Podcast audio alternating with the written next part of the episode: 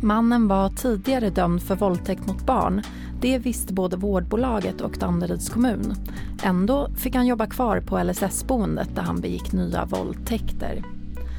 Natten till söndagen tog sig två män in på Musköbasen i Haninge. De båda har nu häktats misstänkta för obehörigt tillträde till skyddsobjekt. Till sist ska vi snacka naturvin som dyker upp på allt fler barmenyer i stan. Är det en temporär fluga eller är det här bara början? Du lyssnar på Stockholmspodden från mitt i Stockholm med mig, Sandra Eriksson. En vårdare på ett LSS-boende i Danderyd har dömts för två våldtäkter som begicks i augusti. 58-åringen var tidigare dömd för våldtäkt mot barn. Något som det nu står klart att både kommunen och vårdbolaget kände till. Louise Jakobsson, reporter på Mitt i Danderyd, du har eh, avslöjat det här. Hur kom det sig att mannen blev anställd till att börja med?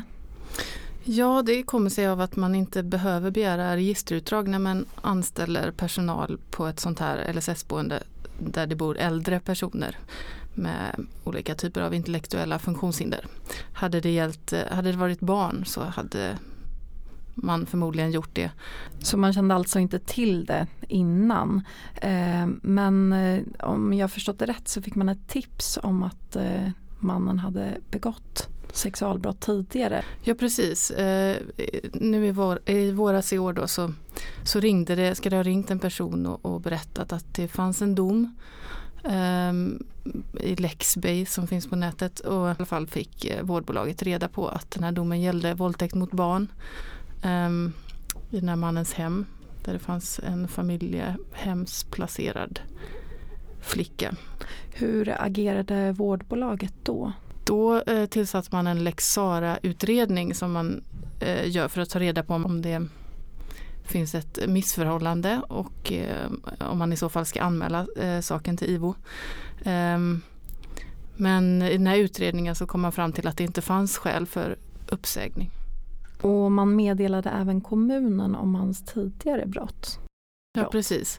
Eh, det gjorde man i samband med att man startade den här utredningen och eh, Eh, kommunen har då eh, sagt till oss på mitt i att eh, hela det här arbetsgivaransvaret ligger på vårdbolaget. Så att man gick inte in och ställde några andra krav där. Och sen har han alltså begått nya våldtäkter på det här LSS-boendet efter att de fått reda på det?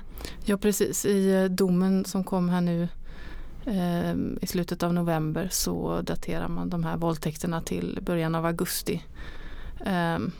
Så eh, det var, han fälldes för två våldtäkter och ett eh, sexuellt ofredande mot en annan kvinna också. Hur går man vidare nu? Jo men nu har det kommit in en lex anmälan eh, till IVO från det här vårdbolaget och i kommunen har man också sagt att man ser över sina rutiner kring upphandlingar och vilka krav man ska ställa på privata vårdgivare. Det pågår också en eh, utredning eh, gällande det här med att begära ut ur belastningsregistret. Ja precis. Eh, regeringen har tillsatt en sån utredning och den ska presenteras i vår någon gång. Och det är just för att det är svårt det här. Alltså det, dels är det integritetskränkande att begära ut registerutdrag per, per automatik. Eh, då din arbetsgivare kan liksom få reda på om du har begått diverse småbrott och så. Å andra sidan om man jobbar med speciellt utsatta som till exempel personer på ett LSS-boende, även om de då är över 18 år, så kan det vara så att man behöver göra det. Det får vi se vad utredningen säger. Mm. Tack Louise Jakobsson som avslöjat att eh, Danderyds kommun och vårdboendet kände till att vårdaren var tidigare dömd för våldtäkt. De två män som i helgen tog sig in på försvarets bas på Muskö i Haninge har häktats. De båda misstänks nu för den ovanliga rubriceringen obehörigt tillträde till skyddsobjekt. Filip Magnusson, reporter på Mitt i Haninge. Hur eh, kunde det här hända? Ja, den frågan ställer sig många på Muskö. Det var ju alltså natten mot söndag, eh, strax efter midnatt som eh, två personer lyckades ta sig in på Musköbasen. Eh, vi har pratat med eh, Musköbor och den stora frågan man man ställer sig är hur lyckades de ta sig över staketet och hur lyckades de ta sig in i anläggningen? Och det vet man väl inte riktigt än. Men faktum är helt enkelt att skyddsvakten avlossade varningsskott sedan de vägrat lyda order och helt enkelt fortsatt inåt så att säga. Vilka är de som greps? Ja, det rör sig om eh, två män i 30-årsåldern, en belgisk och en brittisk medborgare. Vi har väl inte hittat någonting eh, jätte jätteintressant kring de här två personerna eh, sedan tidigare. Men eh, deras försvarare uppger ju att det här rör sig om så kallade bunkerfantaster, det vill säga att man eh, gillar att eh, leta reda på eh, militära skyddsobjekt, militära bunkrar och enligt dem själva trodde de att Musköbasen i sin helhet var avvecklad, vilket den ju inte är. Men eh, med tanke på tidpunkten de tog sig in, Ja, man blir lite konfunderad. Eh, halv ett natten mot söndag, eh, svinkallt ute. Eh, om de trodde att eh, Musköbasen var helt eh, stängd och avmilitariserad så hade de kunnat hitta ett bättre tillfälle. Varför inte tidigare på dagen? Ja, det kan man tycka. Men kan man bekräfta att som är eh, så kallade bunkerfantaster på något vis? Nej, alltså poliskällor uppger för oss här att anledningen till att åklagaren begärde de häktade var just sannolikt att man inte har kunnat eh, än så länge eh, kontrollera de här uppgifterna som försvaret har eh, pratat om, det vill säga att de är bunkerfantaster, gillar att göra det här eh, i all eh, liksom, välmening och ren nyfikenhet. Eh, vad vi vet har man inte kunnat kontrollera det här än, så det är bara försvaret som kommit med de uppgifterna. Ja, vad händer nu? Ja, nu fortgår ju utredningen. Det är en väldigt ovanlig händelse som har skett här och eh, vi får se helt enkelt. Eh, media ligger ju på här så och eh, åklagaren kommer behöva visa resultat av vad som händer för man vill ju komma till botten med det här. Det ligger i allmänhetens intresse att ta reda på vad, som, vad det här handlar om helt enkelt. Vad kan straffet bli? Ja, vi har ju tittat på det här och max, eh, maxstraffet kan ju faktiskt bli två års fängelse eh, om det bedöms vara så pass allvarligt det här intrånget. Men det kan också landa på böter så eh, där får vi väl se helt enkelt eh, vad det här landar i. Ja, tack Filip Magnusson som eh, rapporterat om intrånget på Musköbasen. Får fortsätta följa den. Det ska jag göra. Nu över till några nyheter i korthet från veckan som gått med Klara Orreteg. Förslaget med höjda p-böter i Stockholm kritiseras av den egna branschorganisationen. För små skillnader mellan stora och små förseelser är en av anledningarna. Men man är också kritisk till att staden räknar med att höjningen ska ge 85 miljoner kronor extra i inkomst. Tänk om alla börjar parkera rätt, säger Lena Karlsson som är VD för Svepark. Vandaliseringen av terroroffret Ebbas grav fortsätter. Den 59-årige man som står åtalad för skändning av graven, han är frisläppt i väntan på rättegång som sker i mars 2019. Från och med den 3 januari 2019 så höjer SL priserna för att resa kollektivt. Den mest sålda biljetten, 30 dagars biljetten, höjs med 30 kronor för ordinarie pris och kommer att kosta 890 kronor. Och så ska vi till Bromma, där cancerframkallande föroreningar och störande buller från flygplatsen gör att Länsstyrelsen nu upphäver planerna på 770 lägenheter i Mariehäll. Förutom bostäder så var även parkstråk och förskolor planerade i området, men så ser det alltså inte ut att bli nu. Och så till sist Gamla stan där Jesper Levin och hans korvvagn verkar få stå kvar ett litet tag till. Egentligen så var det 30 november som var sista dagen för harakiri-korvarna i Gamla stan. Men nu har staden ändrat sig och bestämt att han får stå kvar till sista februari medan man diskuterar andra adresser. Nya barer som satsar på naturvin har vuxit upp som svampar de senaste två åren. Johan Thornton, reporter på Alton Stockholm. Du har varit ute och snackat med barägarna.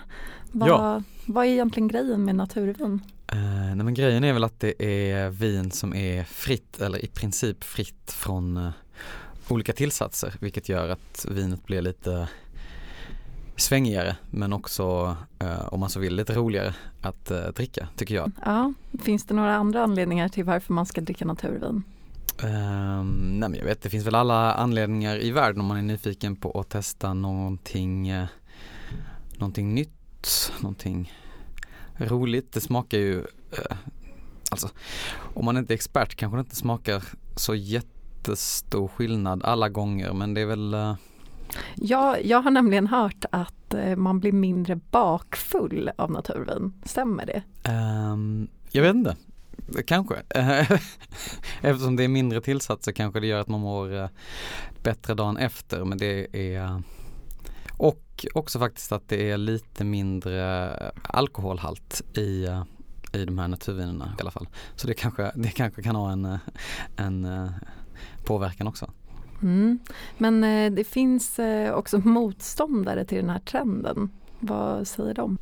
De här flaskorna smakar ju lite annorlunda från gång till annan eftersom det inte finns liksom de här tillsatserna som kontrollerar eh, vinets smak på samma sätt vilket kan göra att kan, man kan få en, en dålig batch eller att det smakar liksom att eh, smakor, smaker och syror som kanske döljs eh, med artificiell hjälp kommer fram lite och då smakar det ju såklart annorlunda och det är väl lite så att man får lära sig dricka vin igen kanske, på, fast mm. på ett mm. annat sätt. Det tror jag att uh, Det är lite av ett gamble också kanske?